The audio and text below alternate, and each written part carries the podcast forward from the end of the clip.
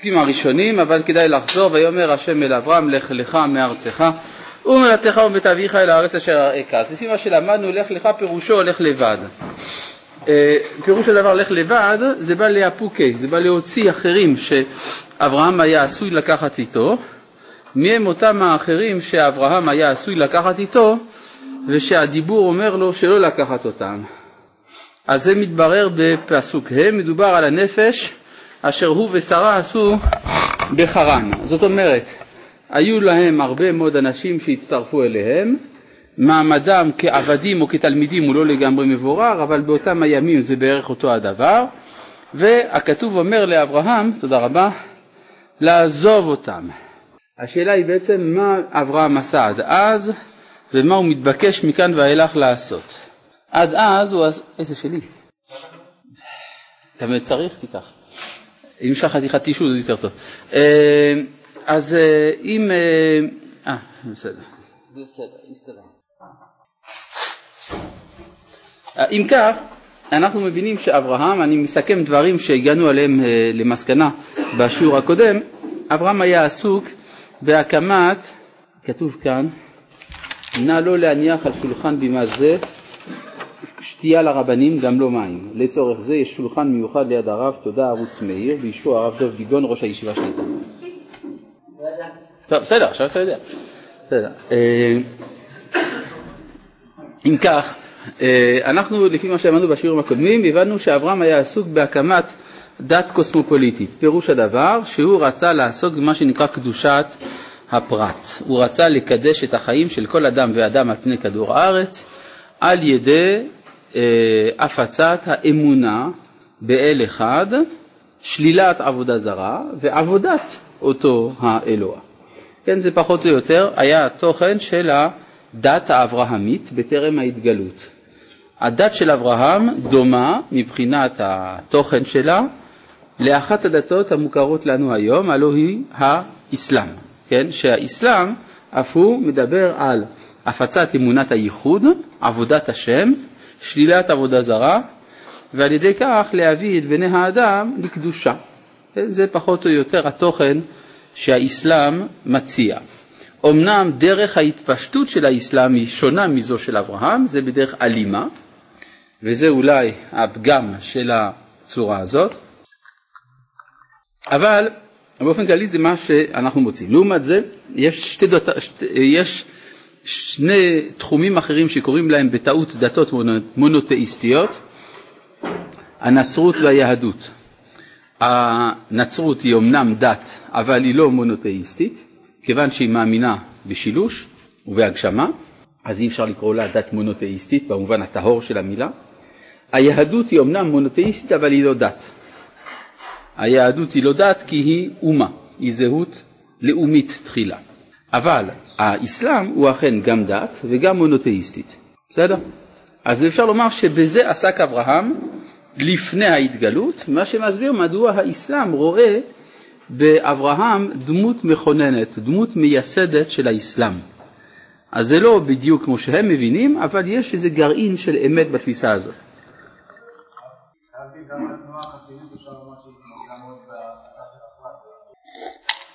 שאלה יפה. אתה אומר ככה, גם החסידות לכאורה התמקדה בקדושת הפרט, אז אולי זו רגרסיה. עד כאן שאלתך. הבנתי אותך נכון? תשובה. כדי להבין מה החסידות אומרת, תמיד צריך לזכור דבר אחד, שהחסידות זה על בסיס של יהדות. לא, זה מאוד חשוב להבין את זה. כי אם אתה לא מבין את זה, אז זה כבר לא יהדות. כלומר, ספר הכוזרי וענייני קדושת הכלל המבוארים כאן בספר בראשית, הם העומדים בתשתית העלייה הפרטית שהחסידות מדברת עליה. בסדר? הוא מסכים עם תעודת ביטוח. כיוון שקדושת הכלל כבר ידועה, מתוך כך אפשר להעמיד גם בקדושת הפרט. כן, זה, נקודה, זה נקודת מוצא אחרת. אז אם כן, אה, השם אמר לאברהם לעזוב את זה, ובמקום זה, במקום לעסוק בדת, אברהם נדרש לעסוק מכאן ואילך בפוליטיקה. הרי מה הוא עושה? אומר לו בפסוק א', אל הארץ אשר אראך, בפסוק ב', ואעשך לגוי גדול. החיבור הזה, גוי וארץ, זה נקרא בעברית מדינה. כן? הגוי הוא ישות פוליטית, זה לא כמו עם, עם זה, זה ישות, אה, הייתי אומר, אה, סוציולוגית. יש חיבור בין האנשים, אבל החיבור הזה הוא לאו דווקא פוליטי. ברגע שזה הופך להיות גוי, והגוי הזה נמצא בטריטוריה, זה הופך להיות ישות מדינית. בעצם מה שהקדוש ברוך הוא אומר לאברהם, עזוב דת, בוא נעסוק בפוליטיקה. במילים אחרות, הוא רוצה לבסס את קדושת הכלל.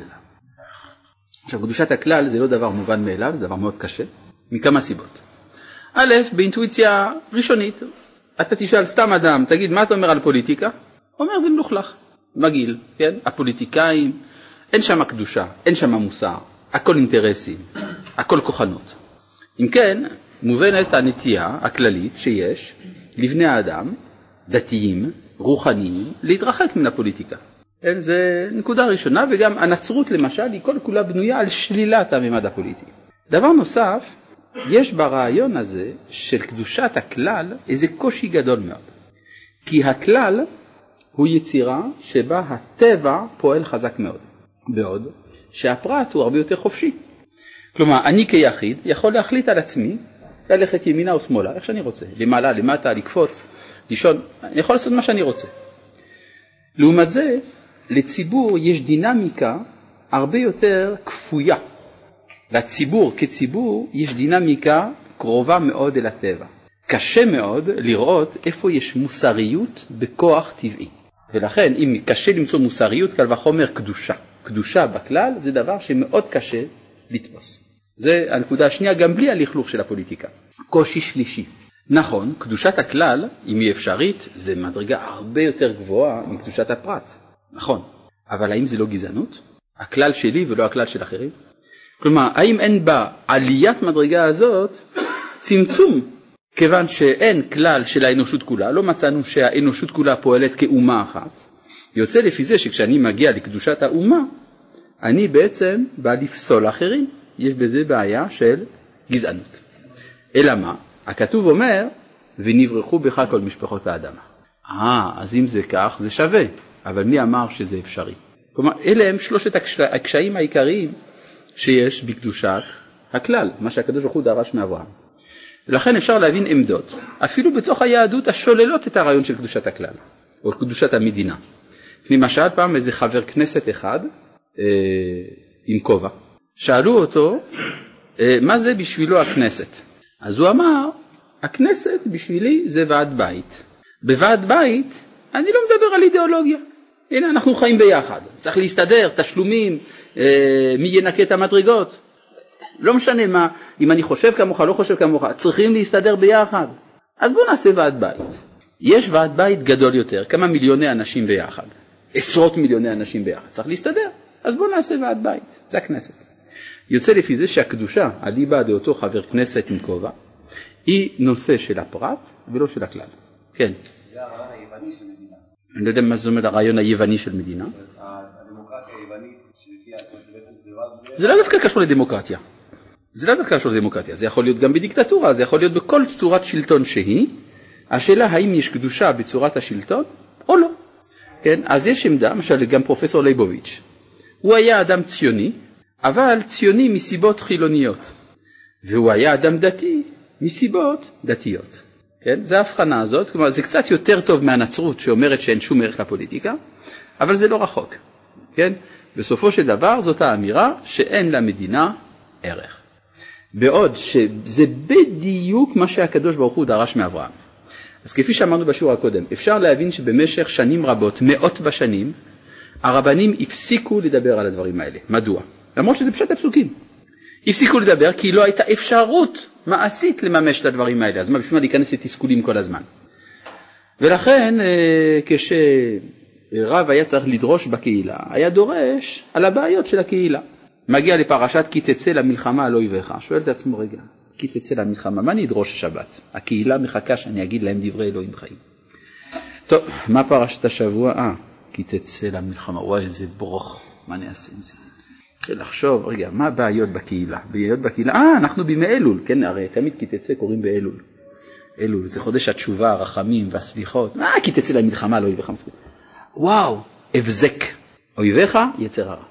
ואז יש לו דרשה ממש פלאית, נפלאה, כל הציבור ככה עם עיניים בחוץ, הוא שמע, כן, אויביך זה יצר הרע, וראית בשבעה אשת יפת תואר שיש נקודה של חיוב בתוך היצר הרע שצריך לדעת להעלות אותה ואיך ל, איך, איך לעשות אה, הכנעה על היצר הרע ואחר כך הבדלה והמתקה וכולי, וזה, זה, זה, דרשה נפלאה על מלחמת היצר.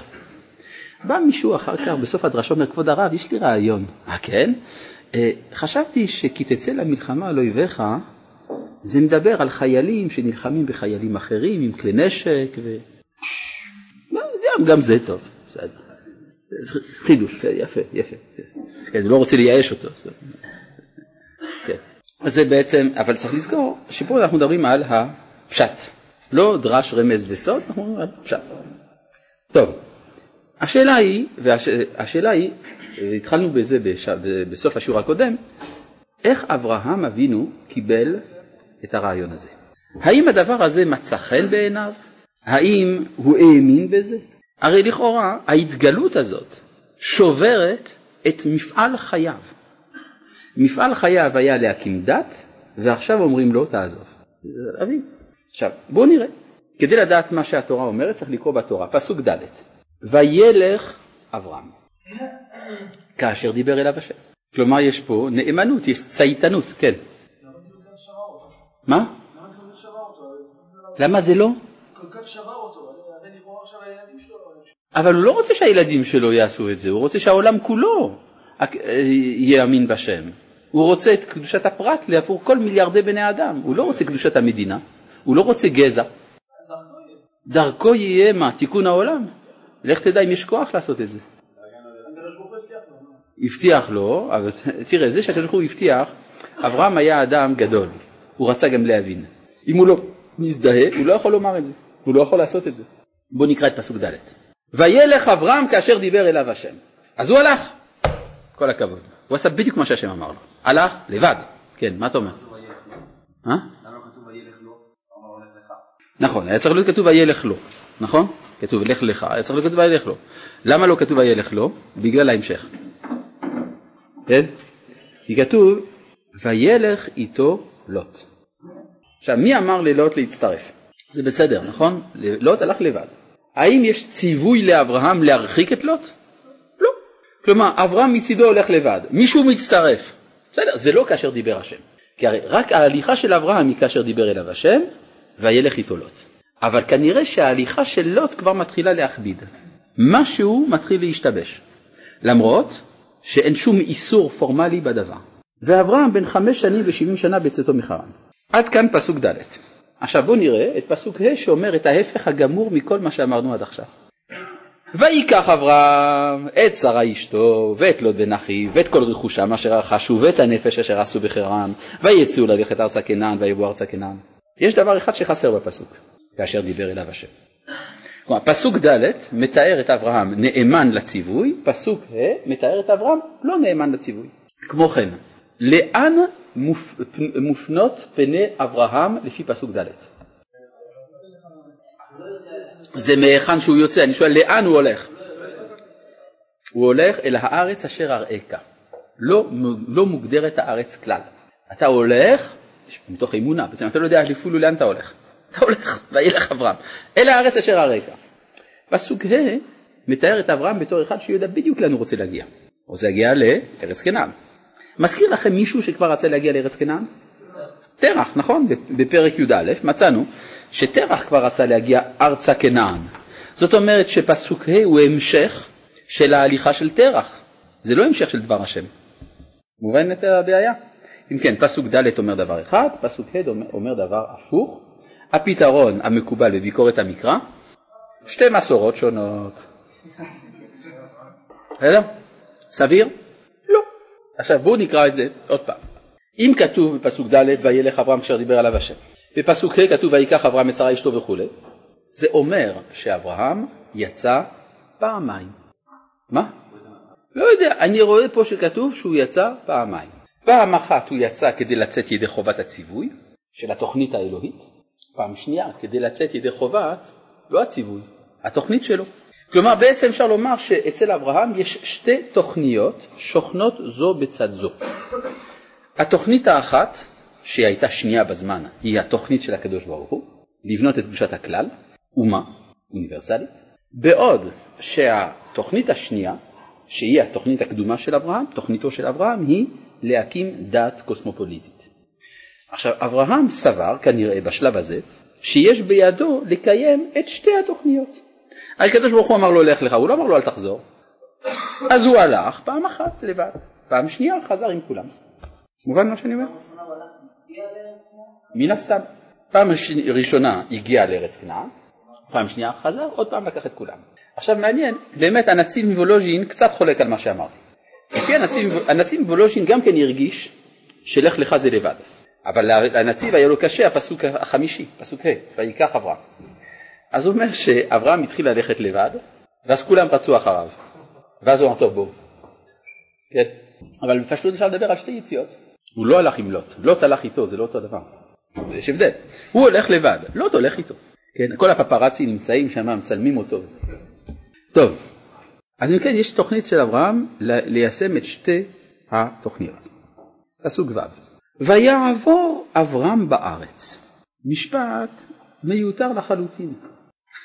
ויעבור אברהם בארץ עד מקום שכם. אם הוא הגיע למקום שכם, משמע שהוא עבר. בשביל מה לכתוב את זה? שאלה נוספת. מה המרחק בין חרן לשכם? אלף קילומטרים. יש בערך אלף קילומטרים בין חרן לבין שכם. אז אה, אתה יכול להגיד שזה קצר יחסית, לדעתי זה ארוך, במיוחד בתנאי הנסיעה של אותם הימים. נאמר שיש לו גמלים, יש לו כך פשוט, יש לו צאן, יש לו חמורים, יש לו הרבה אנשים איתו. זה לא כל כך קל. אז מה הכתוב רוצה לומר כאן? שהוא עבר בארץ. יש לזה הדגשה. מה קרה בזמן שהוא הולך מחרן עד שכם? אתם יודעים מה קורה? לא קורה שום דבר. לא קורה כלום. כלומר, אבל נחשוב. הקדוש ברוך הוא דיבר איתו בחרן. ויאמר השם אל אברהם. והוא עובר בארץ עד מקום שכם.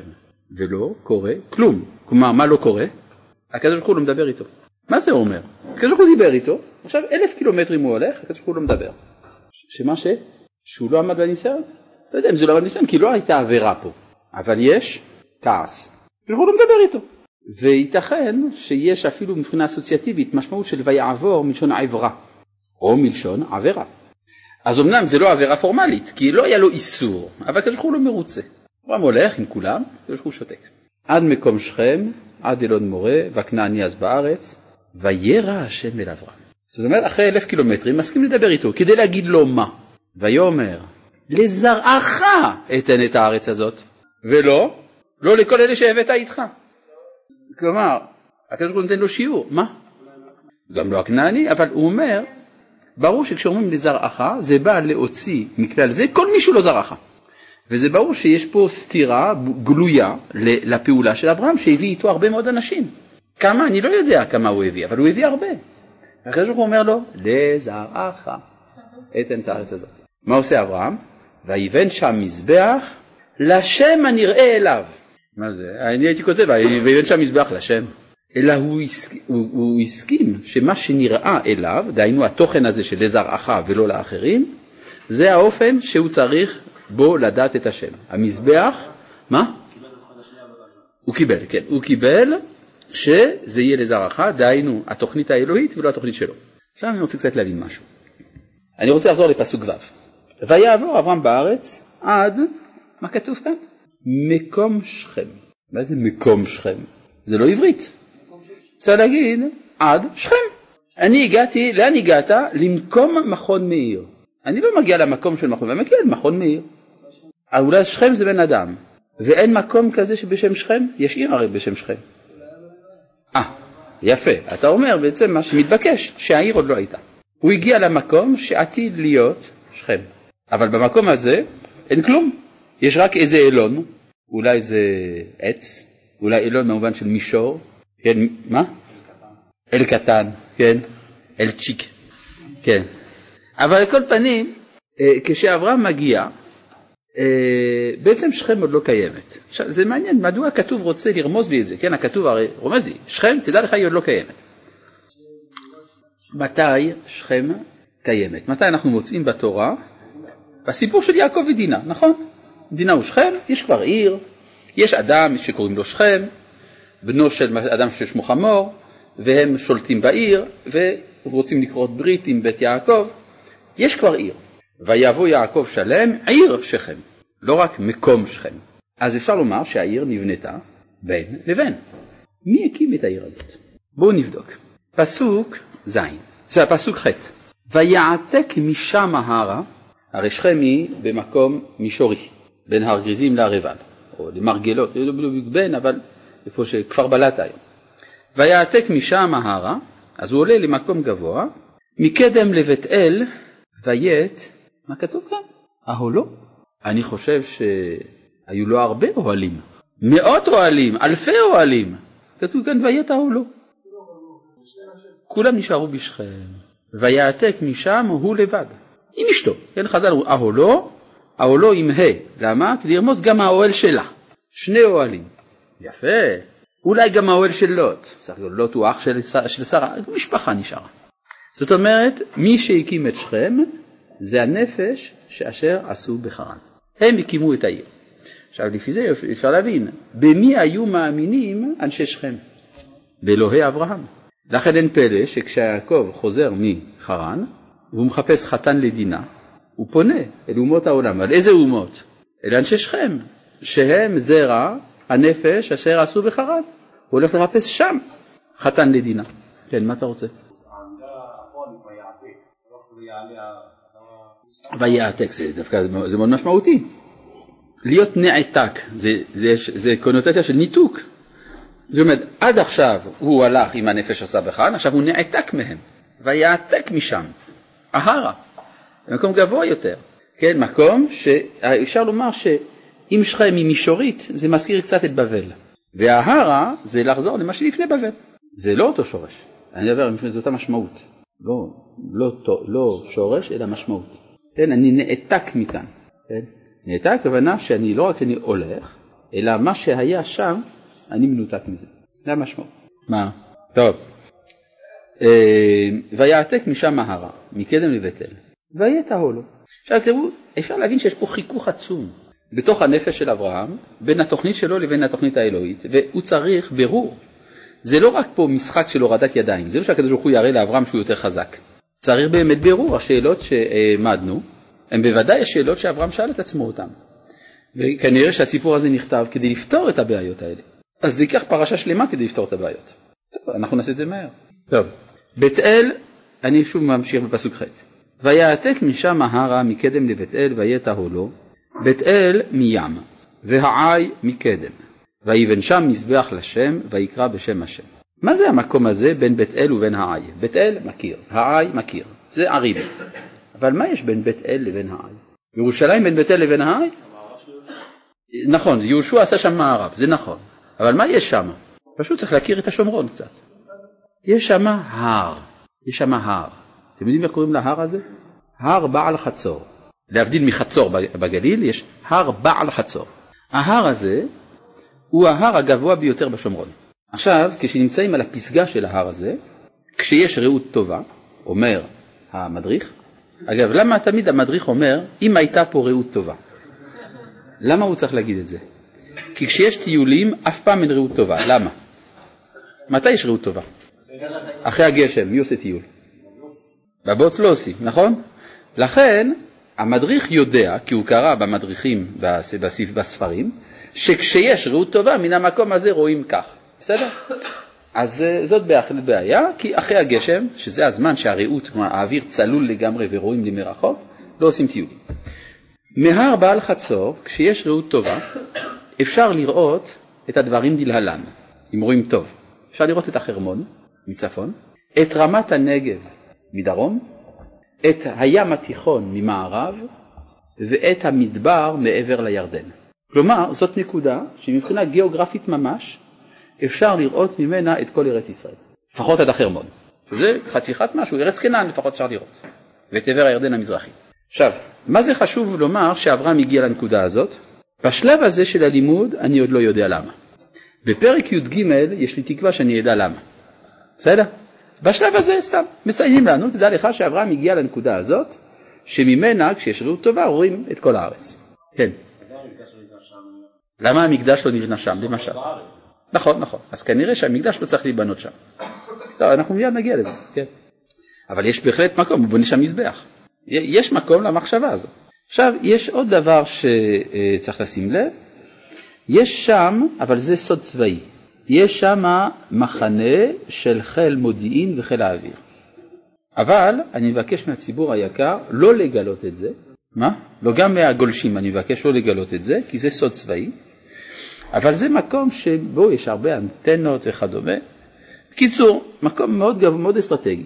כן? זה המקום שאליו הגיע אברהם. אולי אם פעם יחפשו ככה מתחת למחנה, ימצאו את השרידים של המזבח של אברהם אבינו. טוב, אה, איזה רס"ר לא פינה את זה כבר. טוב, אה, ויבן שם מזבח לשם ויקרא בשם השם. עכשיו שימו לב שבשם השם הזה זה קצת שונה ממה שכתוב בפסוק ז', ויבן שם מזבח לשם הנראה אליו. על השם הנראה אליו זה האל שדרש ממנו להיות לאומי. כאן ויקרא בשם השם זה פונה לכל המרחבים שבעולם.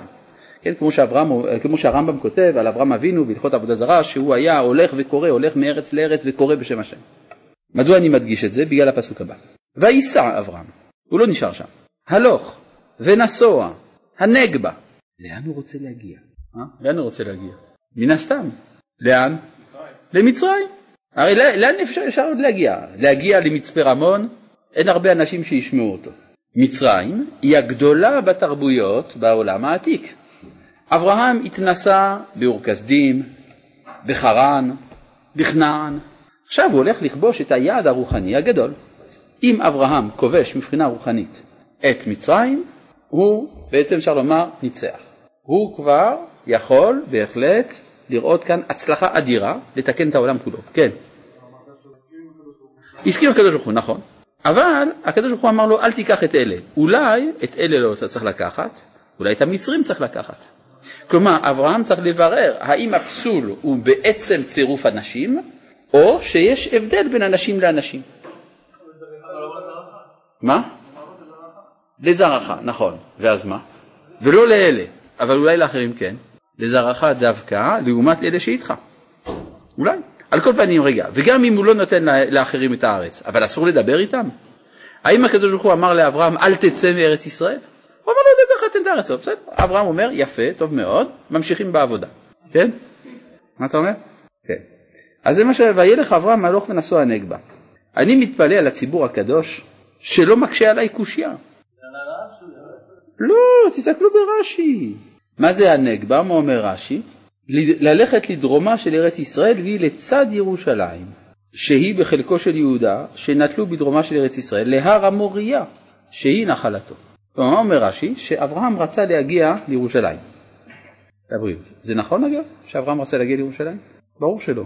הוא רצה להגיע הנגבה. הקדוש ברוך הוא יודע שזה לכיוון ירושלים, ושבסוף הוא יגיע לשם. אבל זה ייקח לו הרבה זמן. כמה זמן זה ייקח לו? 54 שנים ייקח לו, עד עקדת יצחק. אבל זה ברור שכל המסעות של אברהם זה בסוף כדי להגיע להר המוריה. הלוך ונסוע הנגבה, אבל הוא לא מתכוון להגיע לשם, הוא רוצה למצרים, כן? והראיה שמיד אחר כך הוא יורד למצרים, כן.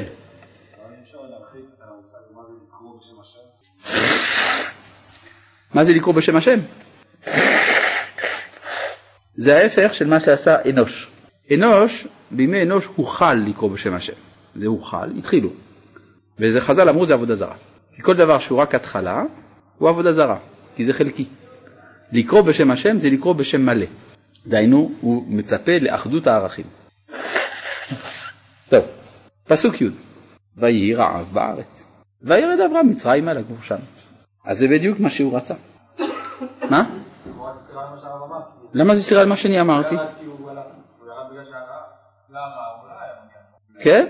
אתה אומר שאם לא היה רב אולי הוא לא היה יורד. אז יש לי קושייה על דבריך. אם נקרא את פסוק י' בשלמותו, לא, שאמר, לא כמו שעשיתי, תיווצר אצלנו אי הבנה. ויהי רעב בארץ, וירד אברהם מצרימה לגור שם, כי כבד הרעב בארץ. שמת לב לאיזה קושי בפסוק? שהוא חוזר על עצמו, כן? ויהי רעב בארץ, וירד אברהם מצרימה לגור שם, כי כבד הרעב בארץ. ידענו, בשמה הוא ירד, בגלל שהיה רעב. לפי דבריך, עצם זה שיש רעב זה הסיבה שהוא יורד. אתה רואה שהכתוב לא אומר את זה. לא, זה שהכתוב צריך להוסיף. זאת אומרת שלא הרעב הביא אותו, אלא זה שכי כבד הרעב בארץ הביא אותו. לא הרעב הראשון אלא הרעב השני. סימן של שני סוגי רעב. איזה סוגי, שני סוגי רעב יש בעולם?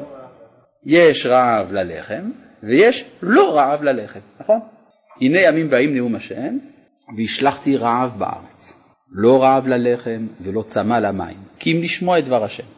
זאת אומרת, יש שני סוגי, רעב נגיד גשמי ורעב רוחני בשפה שלנו. זאת אומרת, ויהי רעב בארץ. רגע, אז רגע, אם יש רעב בארץ, קודם כל שאין מה לאכול בארץ. נכון? אין מה לאכול בארץ. וירד אברהם מצרימה לגור שם כי כבד הרעב בארץ, ההיא. זאת אומרת, הוא מרגיש שיש רעב בעולם, וצריך את הרעב הזה להזין. אז הוא צריך ללכת אל המוקד של התרבות האנושית, המקום המפותח ביותר בעולם, למצרים ולפתור את הבעיות. פשוט. ויהי כאשר הקריב לבוא מצרימה, ויאמר אל שרה אשתו, הנה נא ידעתי כי אישה יפת מראה את. כן, בפעם הראשונה בחיים הוא אומר לה, את יודעת, אה, שמתי לב שאת יפה. זה מעניין, מה, מה קרה שעכשיו הוא נזכר? אלא עכשיו זה התחיל להיות משמעותי. עכשיו, מה פירוש הדבר שמי שהיא יפה? כן, הרבה פעמים רואים בתורה, מדברים הרבה, נשים יפות. כן, גם אה, בנות, בני האלוהים שאומרים בנות האדם כי טובות הנה וכו', מה, מה, מה רצו לומר? מה, מה, מה קרה? אישה יפה זה מי שמושכת אליה. וכשמתחילה ההיסטוריה של עם ישראל, מתחילה ההיסטוריה של האבות, אז יש אה, ראשית ההופעה של נשמת ישראל. הדבר הזה גורם למהפכה ממש בעולם כולו. כולם רוצים להיות ישראל. מרגישים שמשהו מתרחש, אז רוצים את האימהות. כן? כלומר, רוצים לחטוף את האימהות מאיתנו. מדוע? כי האימהות הן השורש של האומה, וכולם רוצים להיות עם ישראל. לכן פרעה רוצה את, את, את שרה, כי הוא רוצה בעצם להיות הוא עם הסגולה. זה הכוונה שהיא יפה, היא יפה, ודאי שהן היו יפות. אבל מה זה אומר בכתוב, בתוכנית של אברהם? היא מושכת את כולם, ברור, כיוון שאנחנו התחלנו עכשיו את ההיסטוריה מחדש, אז כולם ירצו אותך. נכון. הוא עבר כמה ארצות על מצרים, איזה? אבל עד שהוא מגיע לארץ לא קורה כלום. כן? כלומר, כיוון, כיוון שעד אז היה תוכן שבו לא היה צריך דווקא להיות שייך למשפחה כדי להשתייך אליו. משעה שהוא מגיע לארץ כנען, לזרעך אתן את הארץ הזאת, אז מכאן ואילך מתחילה הבעיה. יש רק ארץ אחת בין ארץ ישראל לארץ מצרים, והיא גרר, נכון? ארץ פלישתים, וגם שם יש בעיות, כן? השאלה מה קרה לפני מה, זה סיפור. כאן לפי פשט הכתוב, כפי שהרגים לקרוא, המעשה במצרים קרה לפני המעשה בגרר, אבל יש לי סיבות טובות לחשוב את ההפך. אבל בואו נלך בינתיים לפי הסדר של הפסוקים. מה? פעם ראשונה שהוא מדבר עם אשתו. נכון. שמישהו מדבר אל אשתו. חוץ מלמך, נכון? אבל ראינו שזה לא היה דיבור, נכון? זאת אומרת שפה האחווה מצליחה, נכון? איפה שאדם וחווה לא הצליחו, הם מצליחים. כן, מה? פה נולדה האחווה, סוף סוף זה הצליח. מצליחים לעשות משהו ביחד, איש ואישה, זה חידוש, נכון? והוא אומר לה שהיא יפה, והדבר הזה יוצר בעיות. והיה. כי יראו אותה, אגב ראינו גם אה, אצל, ה, אצל בני ישראל במצרים, ויצב אל עמו כל הבן הילוד היאורה תשליכוהו וכל הבת תחיון. יש פה אם כן שתי גזרות נוראות של פרעה. גזרה ראשונה, כל הבן הילוד היאורה תשליכוהו, שיהרגו את כל הזכרים. גזרה שנייה, וכל הבת תחיון. זו גזרה נוראה. כי אם הורגים את הזכרים, הנקבות יישארו בלי זכרים. אז איזה זכרים יקבלו? את המצרים. ואז מה יקרה? הוולדות מה יהיו? יהיו יהודים לפי ההלכה, מצריים לפי הזהות. זאת אומרת שמצרים תהיה עם הסגולה. זאת התוכנית. מה? יהיו הרבה מצריות פנויות. לא, לא כל כך, כי היה נהוג לשאת כמה נשים. בסדר? טוב. והיה כי יראו אותך המצרים ואמרו, אשתו זאת, והרגו אותי ואותך יחיו. שוב, הבן הילוד היורה תשליכו וכל הבת יחיו. אז אם כן, יש פה שתי בעיות. יהרגו אותי, זו הבעיה הראשונה, ואותך יחיו, זאת הבעיה השנייה. כן, מה אתה אומר? יש בזה משהו, כן, בהחלט. אז אם כן, יש פה, אה, יש פה בעיה כפולה, צריך לפתור את שתי הבעיות. כי והרגו אותי זה בעיה, אותך יחיו זה גם בעיה. כן? אגב, שימו לב להדגשה, ואמרו אשתו זאת. למה לא אמרו? ואמרו יפה זאת, נכון? יש, יש פה איזה דבר שצריך, אה, שכנראה ישמש לנו כמפתח להבנת הפסוקים בהמשך.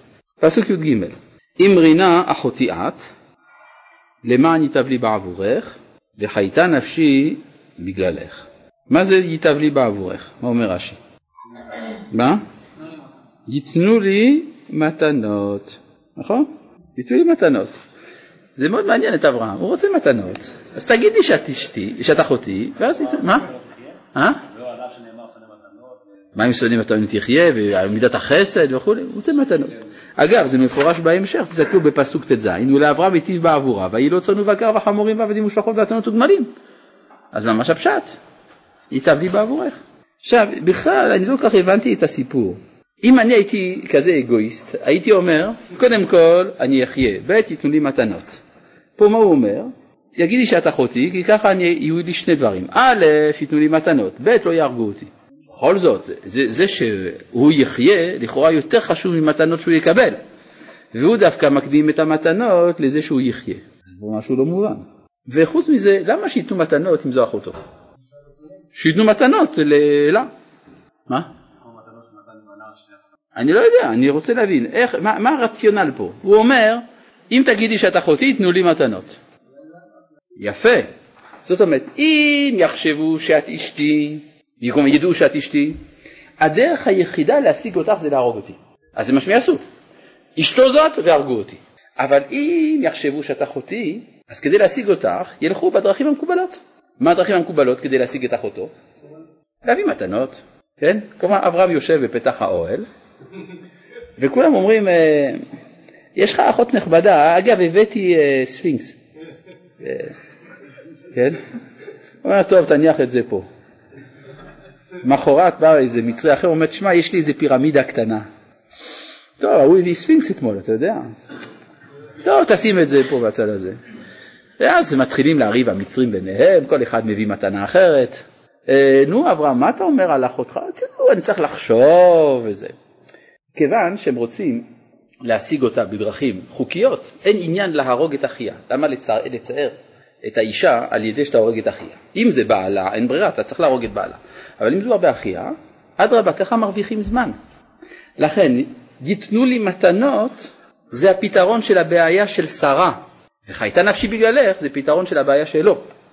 לכן הוא קודם כל מקדים את פתרון בעיותיה היא, ייתנו לי מתנות, ואז את תנצלי מלהתחתן עם מצרי. וחוץ מזה שגם אני אחיה, וחייתה נפשי בגללך. עכשיו זה מובן? זה, זה אחרת לגמרי.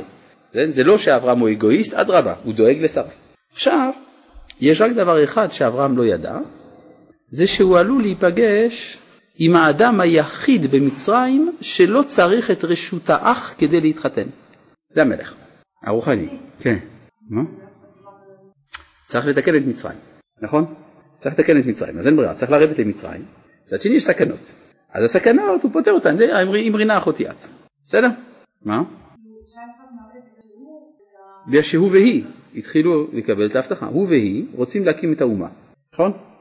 ואז אה, אברהם אומר, אבל יש פה בעיה, שזה ימשוך אחרים. אנחנו צריכים לבנות אסטרטגיה שתציל אותנו, בסדר? האסטרטגיה זה אמרינה אחותי את.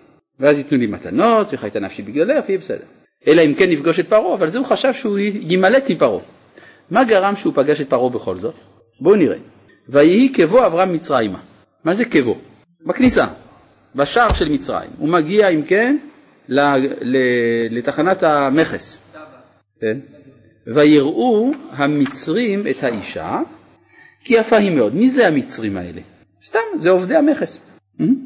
ויראו אותה שרי פרעה. מה עשו שם שרי פרעה? זה אני כבר לא מבין. עובדי מכס אני מבין, אבל מה עושים שם השרים? מה? לא, פשוט עובדי המכס קראו להם. כי הם ראו אישה יפה, אמרו צריך לקרוא לה בוס.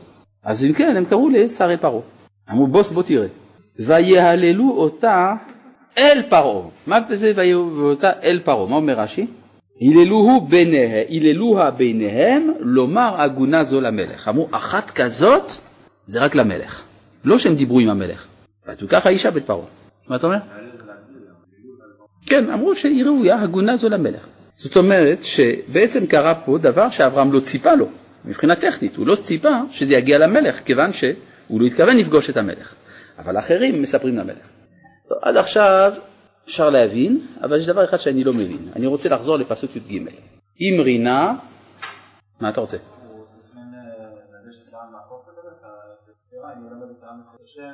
כן, כן, זה קצת קשה באמת, אה, איך לא להיפגש עם פרעה בסופו של דבר. כי אם הוא רוצה לתקן את מצרים, בסופו של דבר זה יגיע אל פרעה. אבל הוא מתחיל עם מצרים. ברגע שמצרים יהיו איתו, אז הם יגנו עליו מפני פרעה. כן? יעשו הפגנות כאלה שפרעה יהיה מוכרח להתפטר אם הוא ייקח את שרה.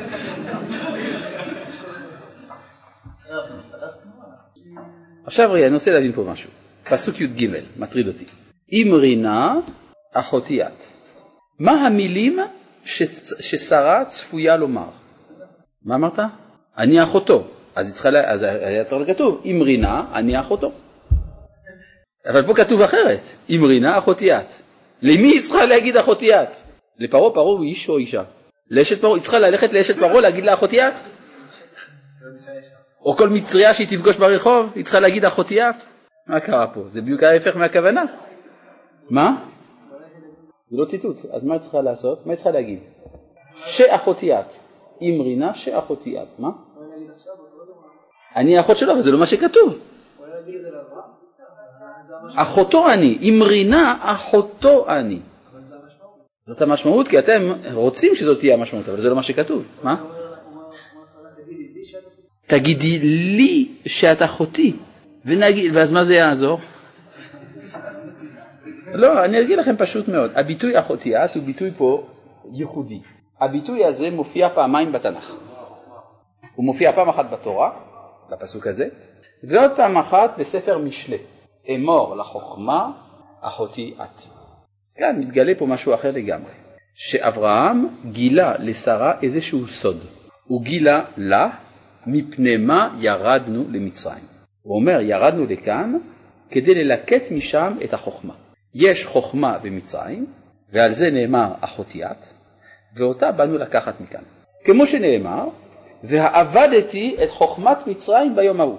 משמע שיש חוכמה במצרים. ויותר מזה, על שלמה המלך כתוב ותרב חוכמת שלמה מכל חוכמת מצרים.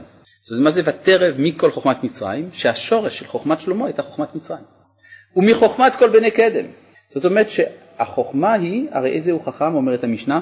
הלומד מכל אדם. אז זאת אומרת, החכם האמיתי זה מי שלומד את החוכמה של האחרים. לכן, אומר אה, אברהם לשרה, תראי, יש איזה בעיה. פעם החוכמה הייתה מאוחדת. הרי כתוב, ונהר יוצא מעדן להשקות את הגן. נהר יוצא מעדן להשקות את הגן. כמה נהרות? אחד. ומשם ייפרד. והיה לארבעה ראשים שם האחד פישון ושם השני גיחון ושם השלישי חידקל והנהר הרביעי הוא פרת. כלומר בעולמנו אותה חוכמה שהייתה מאוחדת, אותו תוכן אלוהי שהיה מאוחד בגן עדן, אצלנו נפרד. ואז יש תרבויות מנופצות. ונהר פישון נפל למצרים, נהר הגיחון להודו, החידקל לאשור והפרת לבבל. מה אומר אברהם לשרה? יאללה, צריך לחבר מחדש. נהר פישון, שהוא נהר החוכמה, נפל למצרים, אמור לחוכמה אחותי את. כי אנחנו באנו לקחת משם את מה שצריך לקחת. לכן למען ייטב לי בעבורך, ייתנו לי מתנות, ייתנו לי את מתנות החוכמה, להשיב אותה אל מקורה. שזה אחד, אחת התכליות הנשגבות של הגלות. לכן זה מה שאומר אברהם לשרה, אם רינה אחותי את, למען ייטב לי בעבורך, וחייתה נפשי בגללך. אז מתחילים ממצרים, ואחר כך החוכמות שבכל העולם. כן, אם רינה אחותי את, כלומר תחפשי את החוכמה במצרים. והחוכמה במצרים עוברת דרך צאן ובקר ואתונות וגמלים וכו'. היא תגיד את זה לעצמה לפי זה. כן. טוב, הגיע המבזק, שלום.